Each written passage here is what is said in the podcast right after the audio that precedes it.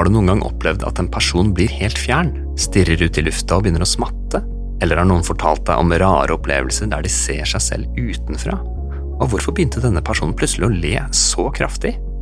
Er vedkommende blitt helt gal? Eller kan det hende at vedkommende lider av temporallaps epilepsi? Epilepsi kan ha en rekke ulike uttrykk, og særlig temporallaps epilepsi kan gi symptomer og funn som kan virke både merkelige og bisarre.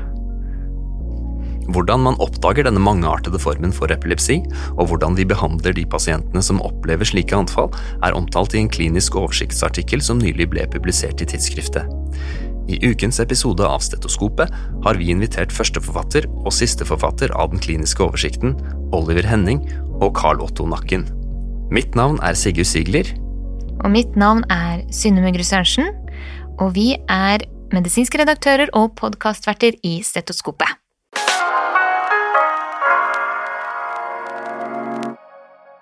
Da sier jeg velkommen til dere, Oliver Henning og Carl Otto Nakken.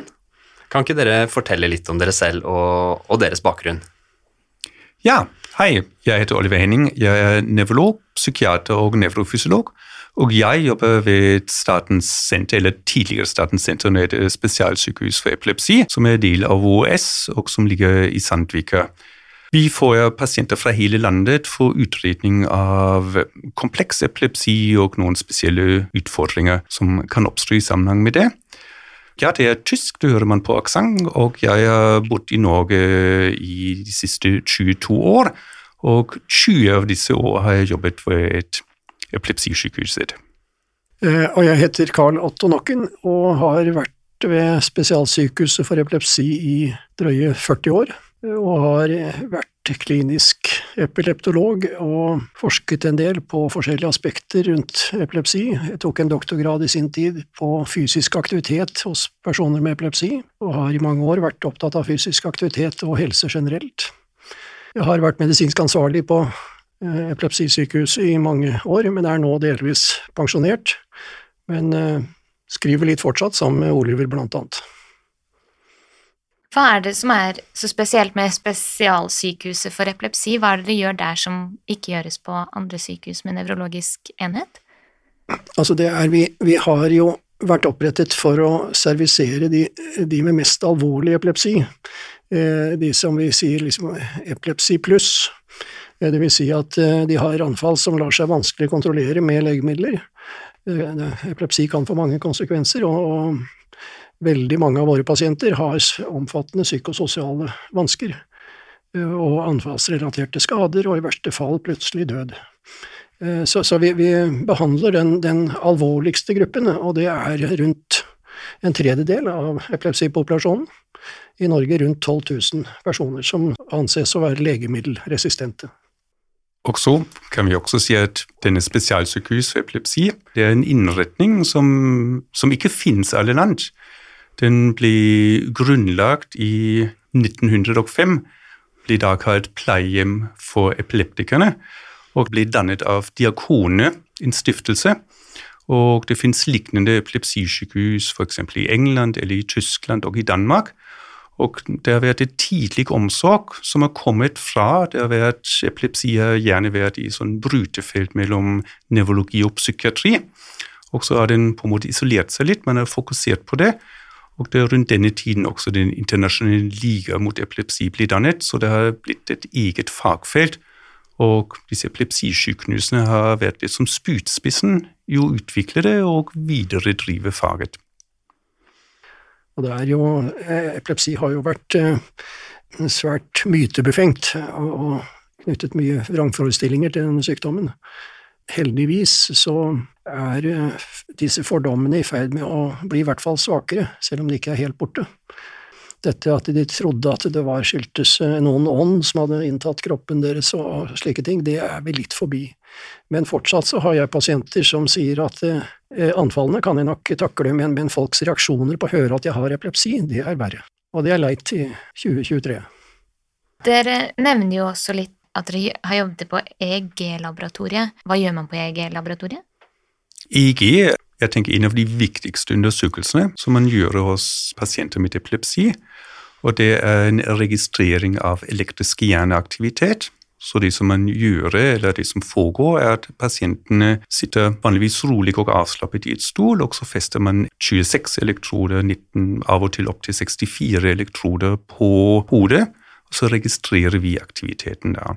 Et epileptisk anfall er ofte et tilstand hvor det er mer orden i hjernen enn ellers, fordi nevronene er synkrone i sin aktivitet. Så betyr vanligvis så sier vi i EEG at det er ja, litt som noe aktivitet, litt uregelmessig. Når det blir et epileptisk anfall som oppstår, så sier vi at det blir rytmisk aktivitet. Det kan være fokalt på et bestemt region av hjernen, eller det kan være generalisert, litt som i, i hele hjernen samtidig. Det gjør man på EEG. Det kan ta standard-EEG som er 20 minutter, som er forholdsvis kortvarig. Men det lykkes ikke, ofte ikke å fange opp anfall i den perioden, så det blir pasienten lagt inn på sykehus og tar det som vi kaller et langtids-EEG, som kan være et døgn, kan være også flere døgn. Og de som vi har nå som rutine, er opptil fem døgn kontinuerlig EEG, hvor pasienten er i et spesielt rom. Man har satt på disse elektrodene, de har en liten boks som er en slags forsterker som de har på kroppen, og den er koblet med en ledning til veggen som går videre til et datamaskin hvor alt dette tas opp. Og samtidig tas det også et videoopptak av pasienten, slik at vi kan sammenligne både det som skjer med pasienten, hvor et anfall, hvis et anfall oppstår, utformer seg, og, og hvordan EEG forandrer seg. Hvis vi har mistanke om epilepsi, så gir epileptisk aktivitet naturligvis en støtte for at det er riktig diagnose, men eh, dessverre er det slik at det er ikke alle som har epileptiske forstyrrelser i sitt EEG, men som likevel kan ha epilepsi. Når man tenker på epilepsi, så ser man jo for seg de store anfallene hvor folk rister og det fråder. Altså, det er det man har sett på på film, og kanskje har opplevd i virkeligheten også. Men kan ikke dere fortelle litt om hva epilepsi er, og hvor forskjellige anfall faktisk kan være? Altså, den eh, definisjonen av epilepsi er litt vanskelig avhengig av hva slags ståsted du har, men eh, du må på en måte holde fast ved at det er en, en hjernefunksjonsforstyrrelse som kommer og går, det er ikke hele tiden. Eh, sånn paraksysmal hjernefunksjonsforstyrrelse. Det er altså et sykelig nettverk som har oppstått av forskjellige årsaker. Cellene fyrer mye lettere enn de skal. Vanligvis er det en, en balanse i hjernen eh, mellom stoffer som, som, fremmer impulstrafikk og stoffer som, som hemmer, mens det i, i, det sykelige nettverket så er det blitt en dysbalanse, hvor det er blitt for mye gass og for lite brems. Det er en, en, en funksjonsforstyrrelse som da er kan være begrenset til et lite område av den ene hjernehalvdelen, men det kan også eh, være omfattende forstyrrelser i hele hjernen. Og det er det som skjer under de store krampeanfallene som du nevner. Og dessverre så er det jo slik at det er de store krampeanfallene som folk forbinder med epilepsi. Mens noe av poenget med vår artikkel er jo nettopp å peke på at det er mange andre anfallsformer, og som ofte ikke blir gjenkjent som sådan. For deres artikkel handler jo om temporallapsepilepsi, og hva er det som er så spesielt med den? Ja, altså Det er eh, først og fremst fordi det eh, kan arte seg veldig forskjellig, avhengig av hvor i tinninglappen disse sykelige cellene er lokalisert. Men særlig hvis de er lokalisert til de indre delene av, av temporallappen, det som kalles det limbiske systemet, der er det altså veldig mange forskjellige funksjoner som knyttet til det systemet, og, og, og følgelig vil anfallene kunne ytre seg veldig forskjellig. Eh, blant annet som, som plutselig angst, for eksempel, eller underlig atferd, eller at vedkommende bare fryser fast mens, mens støtte. Man kan ha en intens lykkefølelse, eksempel, det som vi kaller Dostojevskij-anfall, eh, hvor Dostojevskij har beskrevet selv sine egne anfall. Han hadde tinninglapsepilepsi, muligens på grunn av syfilis. Men han beskrev altså anfall hvor han eh, fikk en, en, lykkefølelse som ikke var av denne verden, og han ville betale mange år av sitt liv for å oppleve flere av slike anfall. Og man kan eksempel ha Alice in Wonderland-syndrom, hvor, hvor, man altså får eh, sanseillusjoner hvor du ser armen eller hånda mi, som er, du ser den, men den har annerledes farge, form, størrelse, som, som er, er, underlig, og, og, mange av pasientene mine gir seg for å fortelle om disse opplevelsene, for de kan tolkes som at de er blitt sprø. Så, det, er, det, er, mange, veldig mange forskjellige ytringsformer, eh, og som da er i grensesnitt mot psykiatri. Og veldig mange av pasientene mine går udiagnostisert, og til dels kan de bli henvist til psykiatrien fordi man oppfatter det som, som ledd i psykisk sykdom. Er dette typiske symptomer på temporalaps epilepsi, eller er det andre som er mer vanlige? Altså, det aller vanligste er eh, at det starter gjerne med en, et sug i magen, og som stiger opp mot hodet. Det er ganske klassisk. Eh, og så eh, får man en motorisk arrest, som vi sier. De blir altså helt stive, bestående. Og så får de pupilledilatasjon, store pupiller. Og så blir de gradvis mister bevisstheten. Det er det vanligste. Og så kan man få det som vi kaller automatismer rundt munnen. Eh, svelging, smatting, tygging. Veldig vanlig. Og så kan man få fomling med den ene, hvis la oss si at det er på venstre side, venstre tinninglapp som er affisert. Og så får man det som heter automatismer på venstre hånd, mens, mens den høyre hånden stivner til. Det er det aller, aller vanligste. Men for eksempel disse her smatting, tyggingen, eh, det er eh, de færreste som forbinder med epilepsi. Noen føler at de er i en slags drømmetilværelse, hvor de altså har vanskelig for å si meg opplever jeg dette, eller er det en drøm? Det har vært kalt dreamy state eh, på engelsk, og er heller ikke helt uvanlig. Jeg er utenfor meg selv, altså jeg kan se meg selv utenfra.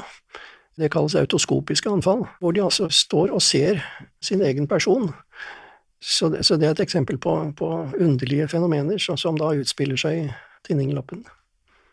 Så syns jeg også noe som er veldig spennende som pasienten prøver å beskrive det, er den déjà vu-følelsen som mange får i starten. Og det er denne følelsen at jeg har vært i den situasjonen før. Og når vi er litt inne på også sånn psykiske symptomer som kan oppstå, så syns jeg du har nevnt det som var sånn euforisk følelse det er dessverre også at mange som opplever noe ubehagelig, de opplever angst. Det tror jeg er en av de symptomene som er oftest um, av de psykiske som kommer. Se noen som får et anfall, som plutselig får uforklarlig, ekstremt angstfølelse som er til stede, som er ekstremt ubehagelig og svært vanskelig å, å takle. Hva med mellom anfallene? Dere nevner at pasienten også kan ha plager utenom selve anfallene. Men det, er viktig å understreke at de aller fleste med, med, denne epilepsiformen fungerer helt som oss andre, noen plagsomme tilleggsfenomener, men det er etter hvert, særlig de med den messiale formen, kan etter hvert få hukommelsesproblemer, altså kognitive vansker, og, og sitter i den eh, dominante hjernehalvdelen, eh, så kan de få taleproblemer, ordfinningsvansker. Og så er det en økt forekomst av angst og depresjon i denne gruppen. Det kan Oliver si litt mer om, kanskje? Jo, men det er akkurat som du sier, det er kjent. Vi vet at eh, pasienter som har epilepsi, har også et økt forekomst av spesielt angst, depresjon, også andre psykiatriske symptomer og sykdommer. Og det er det denne gruppen som vi har skrevet om, de med temporallapsepilepsi, som er mest utsatt for det. Og vi, når vi ser på de pasienter som kommer til oss, til spesialsykehus for epilepsi, så kan vi anslå at det er opptil en tredjedel, hvis vi tar undersøkelsen, som, som, har i hvert fall noen symptomer for enten depresjon eller angst. Vi syns det er veldig viktig å være obs på det. Tenke lenger enn bare anfall når vi snakker epilepsi, fordi dette har et ganske stor påvirkning av livskvalitet. Vi vet fra undersøkelsene at det, hos pasienter som ikke er anfallsfri, kan det være viktigere å påvirke disse depressive symptomer for å få en forbedring av livskvalitet enn f.eks. å halvere anfallshyppighet. Så det har mindre effekt på det som er livskvalitet. Et eh, fenomen ved temporalapsepilepsi er at en del pasienter har problemer med å gjenkjenne ansikter eh, og ansiktsuttrykk, tolke ansiktsuttrykk, som jo er en veldig viktig form for kommunikasjon oss mennesker imellom. Eh, og det er et handikap, dette at du liksom mistolker kanskje et ansiktsuttrykk feil, eller at du Blant annet så er det noen som har fullstendig mangel på humor og ironi. De skjønner ikke ironi. Og det er eh, et alvorlig handikap, spør meg. Men hva er det som kan forårsake altså temporallapsepilepsi?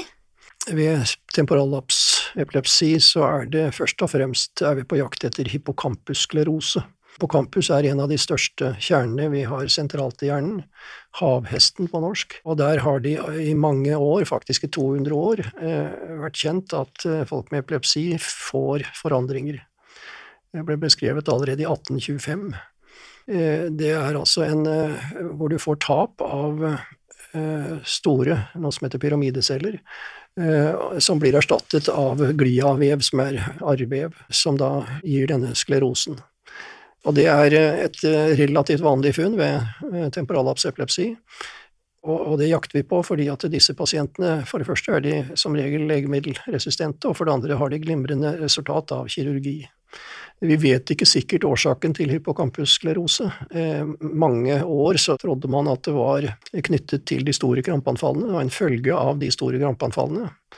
Men i, eh, i, dag så er det en vanlig oppfatning, tror jeg, at det både kan være årsak til og forårsaket av det. Altså både en, en, en årsak og en følgetilstand. Så, sånn at, og det er antagelig også en genetisk disposisjon som ligger til grunn. Men det er altså én årsak. Det finnes en rekke andre, og det kan være svulster, og da er det særlig lavgradige gliomer, sånne langsomt voksende svulster, eh, som vi kan finne. Det kan være karnøster, arteriovenøse malformasjoner.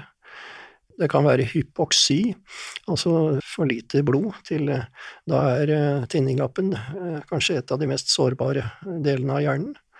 Og det kan være skader, altså følge av hodeskader. Eh, de som er mest utsatt for å få slik sklerose, er eh, de som har kompliserte eller langvarige feberkramper som barn. og blir barna anfallsfrie eh, gradvis i løpet av et, før de fyller fire-fem år, og så er de anfallsfrie frem til tidlig tenår eller, eller sen barndom, og så får de tilbake anfall. Og da er de, til å begynne med, svarer de rimelig godt på legemidler, men så blir de etter hvert legemiddelresistente. Så det er en vanlig sykehistorie eh, for disse med hypocampussklerose. Og de fanges altså opp ved dels sykehistorien og dels eh, MR, lagt med spesielle snitt for å få frem denne sklerosen. Ja, hvordan utreder vi hvis man har mistanke om at det kan være ja, kanskje egentlig epilepsi, men også da spesielt temporallapsepilepsi? Hvordan starter man? Hvordan starter jeg f.eks. i allmennpraksis? Jeg tenker det viktigste er å tenke på det. Så ha en tanke, og så ha anamnese. Snakke med pasienten, få en beskrivelse av hva som skjer, hvordan dette oppleves, de symptomene som, som Carlotte har vært gjennom, eller som, som vi har nevnt litt. Og så er det spørsmål hvordan oppstår disse? F.eks. hvis vi tenker på de ting som er litt rare, f.eks. angst. Er, sånn, er, det, er, det, noe som kommer plutselig uten noe trigger, og er også kortvarig. Epileptisk anfall er gjerne kortvarig, f.eks. sammenlignet med et panikkattakk, som er opptil et kvarter, så er et epileptisk anfall ja, ett minutt, to minutter. Så det, det er dette som kommer inn. Så er det ofte Vi vet gjennom eksotiske symptomer, men ofte er det ganske typiske ting når folk beskriver et déjà vu-opplevelse, beskriver en epigastrisk aura, et varmefølelse som er oppadstigende, så, så burde man ha et mistanke, og ha det i bakhodet. Så er det et spørsmål hvor ofte oppstår det. Har det kanskje vært noen ganger at man fatter mistanker det har vært flere anfall som pasienten ikke har tenkt på? Har den våknet opp og merket om morgenen at den hadde bitt seg i tungen om natten? kanskje ufrivillig urinovergang. Ja, helt forstyrret kan det være at man har hatt et tonisk-klonisk anfall, et, et stort krampeanfall om natten som man ikke nødvendigvis får med seg. Så sover man etter anfall, så våkner man igjen og, og har glemt det. Så det er heller ikke uvanlig at pasienten glemmer at de har et anfall. Og ja, vi tenker det kan være opptil halvparten av anfall som man ikke husker i, i, etterkant, som kan gjøre det vanskelig å prate med dem. Så er det snakk med pårørende hva de har observert. Og når man da har et mistanke, så er det å gå videre med undersøkelsene. Det ene er å ta et MR-undersøkelse som Karl-Otto har vært innom, er det mange årsaker til temporallapsepilepsi. Det kan være svulst, lavgradige svulster, men også hippocampussklerose er noe som man prøver å fange opp på MR. Så vi burde også henvise pasienten til EEG. Og i første runde et standard-EEG, som er et kort undersøkelse, og som ikke er ment å fange opp anfall. Det er urealistisk, men kan kanskje vise oss at det er Er sånn enkelte potensiale, enkelte bølger som er, ja, står, står ut fra bakgrunnsaktivitet, er mer tilspisset og er lokalisert til den tilsvarende temporalregionen, tinningsregionen. Og hvis vi finner disse i EEG, og de har et spesielt utforming, så sier vi dette er noe som vi oppfatter som epileptiformt. Så jeg tenker hvis man er ja, hvis man har kommet så langt og sier kanskje på MR finner man et funn, og man har et EEG-funn som passer, har en sykehistorie som passer, så er vi vel rimelig sikre på det. Eh, og mange av våre pasienter kommer med anfallsopptak på smarttelefon, eh, som er et veldig nyttig middel, slik at du får se hvordan anfallene ytrer seg. Men jeg syns jo at eh, diagnosen epilepsi skal jo helst settes av en barnenevrolog eller en nevrolog. sånn at hvis du er fastlege så, og får mistank, sterk mistanke til at dette kan være epileptiske fenomener, så syns jeg du bør henvise til en barnenevrologisk avdeling eller en nevrologisk voksenavdeling. For, for både diagnosesettingen og iverksettelse av behandling bør foregå hos spesialist. Er det andre typer undersøkelser som kan være aktuelle i en epilepsiutredning?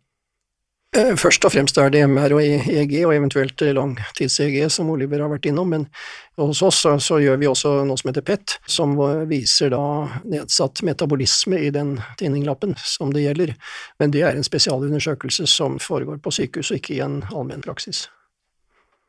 Er det noen viktige differensialdiagnoser man burde ha i bakhodet når man utreder en mulig epilepsi? Absolutt. Det er flere muligheter til å eh, Og ofte så er det jo underdiagnostisert, disse temporalapsepilepsiene, fordi det ikke blir gjenkjent som sådan. Men hvis man først liksom eh, tror det er noe annet, så er det først og fremst uh, psykisk sykdom. Og det kan være mistanke om psykogene ikke-epileptiske anfall, som jo vi på Epilepsisenteret er godt kjent med.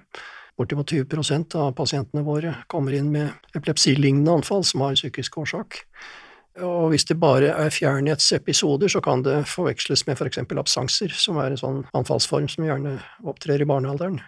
Konvulsive synkoper, altså sånne bevissthetstap som kan ha mange årsaker, er også en differensialdiagnose. Når vi har pasientene som er litt eldre, så er det en tier transitorisk iskemisk attakk, som jeg tenker er viktig. Og så har vi iblant får vi pasienter henvist med et mistanke om epilepsi, fordi de plutselig mister kortvarig bevisstheten, og iblant også noe som kjenner noe i kroppen rett før. Og så finner vi ut at det kan være hjerterytmeforstyrrelse, at pasienten får et kortvarig stopp, et kortvarig asystoli av to-tre sekunder, som kan medføre også noen symptomer, som en differensialdiagnose. Hvordan er det man egentlig starter å behandle pasienter med temporal epilepsi? Eh, det første vi griper til, er jo legemidler. Eh, og der har det jo vært et ras av, av nye legemidler de siste 20-30 årene. Før så hadde vi bare to-tre stykker, og nå har vi nærmere 30. Og de som vi først rekket bruker ved fokale epilepsier, sånn som temporallapsepilepsi er, er såkalte natriumkanalblokkere, sånn som karbamazepin, voxkarbazepin, lamotrigin. Så vi har flere muligheter for å med litt forskjellig både effektprofil og bivirkningsprofil. Eh, og hvis man ikke får anfallskontroll ved å prøve to til tre av de mest relevante legemidlene, så vil man naturligvis vurdere ikke-farmakologisk behandling, og først og fremst da kirurgi. For dere har jo nevnt epilepsikirurgi flere ganger. Kan dere ikke fortelle litt hva, hva er det, og hvordan foregår det? Tanken bak det er at man har en del av hjernen hvor det er en nevronpopulasjon, en gruppe nevroner eller et nettverk, som ikke jobber som den skal, og gir dermed opphav til anfall. Tanken er kan man fjerne disse nevronene eller denne delen av hjernen for å stoppe anfall. Det er sånn grunnprinsippet til den resektive epilepsikirurgien, det som vi, vi tenker mest på. Og det er egentlig to forutsetninger, eller tre forutsetninger. Det første er, som Kadotter har vært innom, at pasienten ikke kan hjelpes med legemidler. At mm, dette ikke får pasienten anfallsfri. Og neste er at kan vi identifisere denne delen av hjernen, som i så tilfelle burde fjernes og få pasienten anfallsfri. Og der vi er inne at vi tenker når det gjelder temporalepilepsi, er det oftest noe enklere.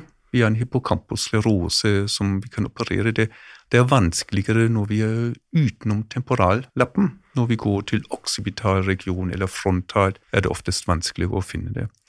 Og det andre er når, når nevrokirurgene går så langt å fjerne en del av hjernen, er det også viktig å, å sikkerhetsstille at den delen av hjernen er ikke viktig med andre funksjoner.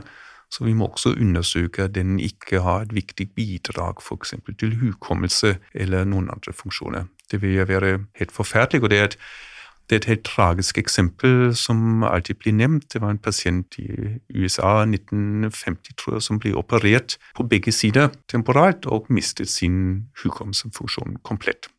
Og så Det som man gjør, er utredning, er, som Karotte sier, foregår på epilepsisykehuset. Så vi får pasienten henvist fra hele landet, fra nevrologene, som har prøvd seg. Pasienten henvises til oss, og sånn første Første undersøkelse er å si MR-undersøkelsene. Er disse bra, av god kvalitet? Kan vi finne et fokus som de kunne kanskje operere, som vi, vi tenker er antageligvis oppstart til anfall? Så blir det et langtids-EG-registrering, gjerne i fem dager. Så er medikamentene trappet ned på pasientene i et forsøk å få dem til å få nok anfall. Vi sier at dette er et såpass alvorlig inngrep at vi kan ikke bare ha én anfallsregistrering og si at ja, dette vil nok være nok, og bare sette i gang. Sier gjerne vi vil vanligvis ha minst tre anfall som er av god kvalitet for oss å analysere, og som er likt i forhold til utformingen og i forhold til EEG, slik at vi kan si ja, vi ser at anfallene starter f.eks. på venstre side i temporalregionen. Når dette er gjort, så blir det oftest gjort PET-undersøkelse. Og så diskuteres det først i en diskusjonsrunde på epilepsisykehus, og så også sammen med nevrokirurgene på Rikshospitalet. Og når man sier at dette kan passe, så blir det også et vurdering av nevropsykologen som skal vurdere det, og undersøke pasienten og også vurdere risiko for at det kan oppstå eventuelt et skade i, i kognitive funksjoner ved et eventuelt operasjon.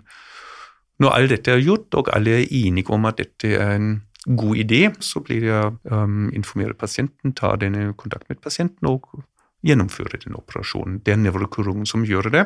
Og så blir det oppfølging også på epilepsisykehuset.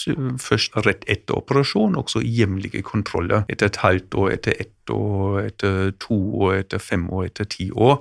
Både for å sikre at det som man gjør, er, riktig, man får kvalitetskontroll på dette, men også fordi pasienten, ja, pasienten har spørsmål. Kan de ofte slutte totalt med legemidler, eller er det fortsatt noe de må behandle seg med? Ja, der må vi individualisere. Eh, så eh, det er litt avhengig av om de f.eks. har sjenerende bivirkninger av legemidlene.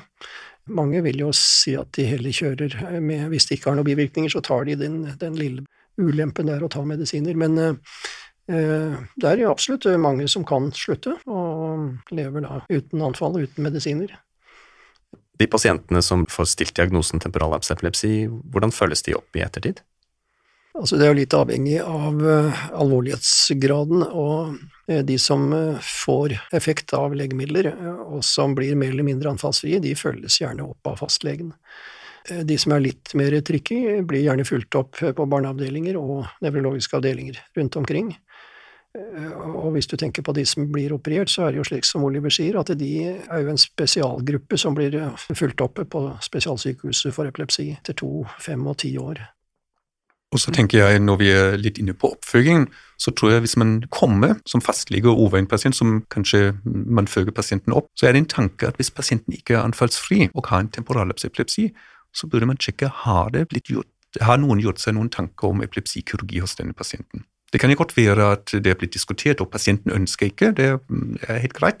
Men jeg tenker hvis en pasient har en epilepsi som ikke lar seg kontrollere, så burde man ha i hvert fall tenkt tanken kan det være en pasient som kan være egnet til epilepsikirurgi, og eventuelt diskutere det med si, nærmeste nevrolog.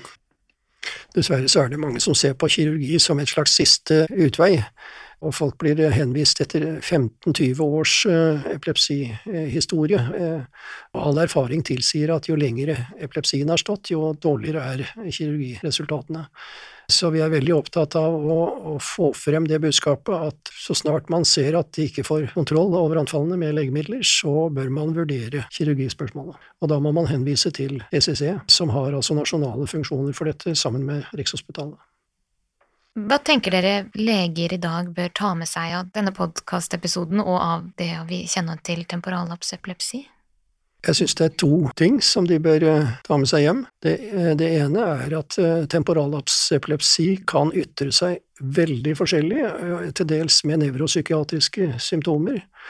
Det, det andre er at det finnes muligheter for å behandle med kirurgi dersom man ikke kommer til mål med legemidler. Tusen takk for at dere kom i dag, det har vi satt kjempestor pris på. Tusen takk. Ja, takk at dere ville ha oss, det var kjempespennende. Da håper jeg du har lært noe nytt om temporallapsepilepsi og det å leve med denne diagnosen. Skulle du ha tilbakemelding til oss eller tips til temaer vi kan snakke om, så er det bare å sende oss en e-post på stetoskopet at tidsskriftet.no. Neste uke er sjefsredaktør Are Brean tilbake med redaktøren Kjerne i Stetoskopet. Vi høres!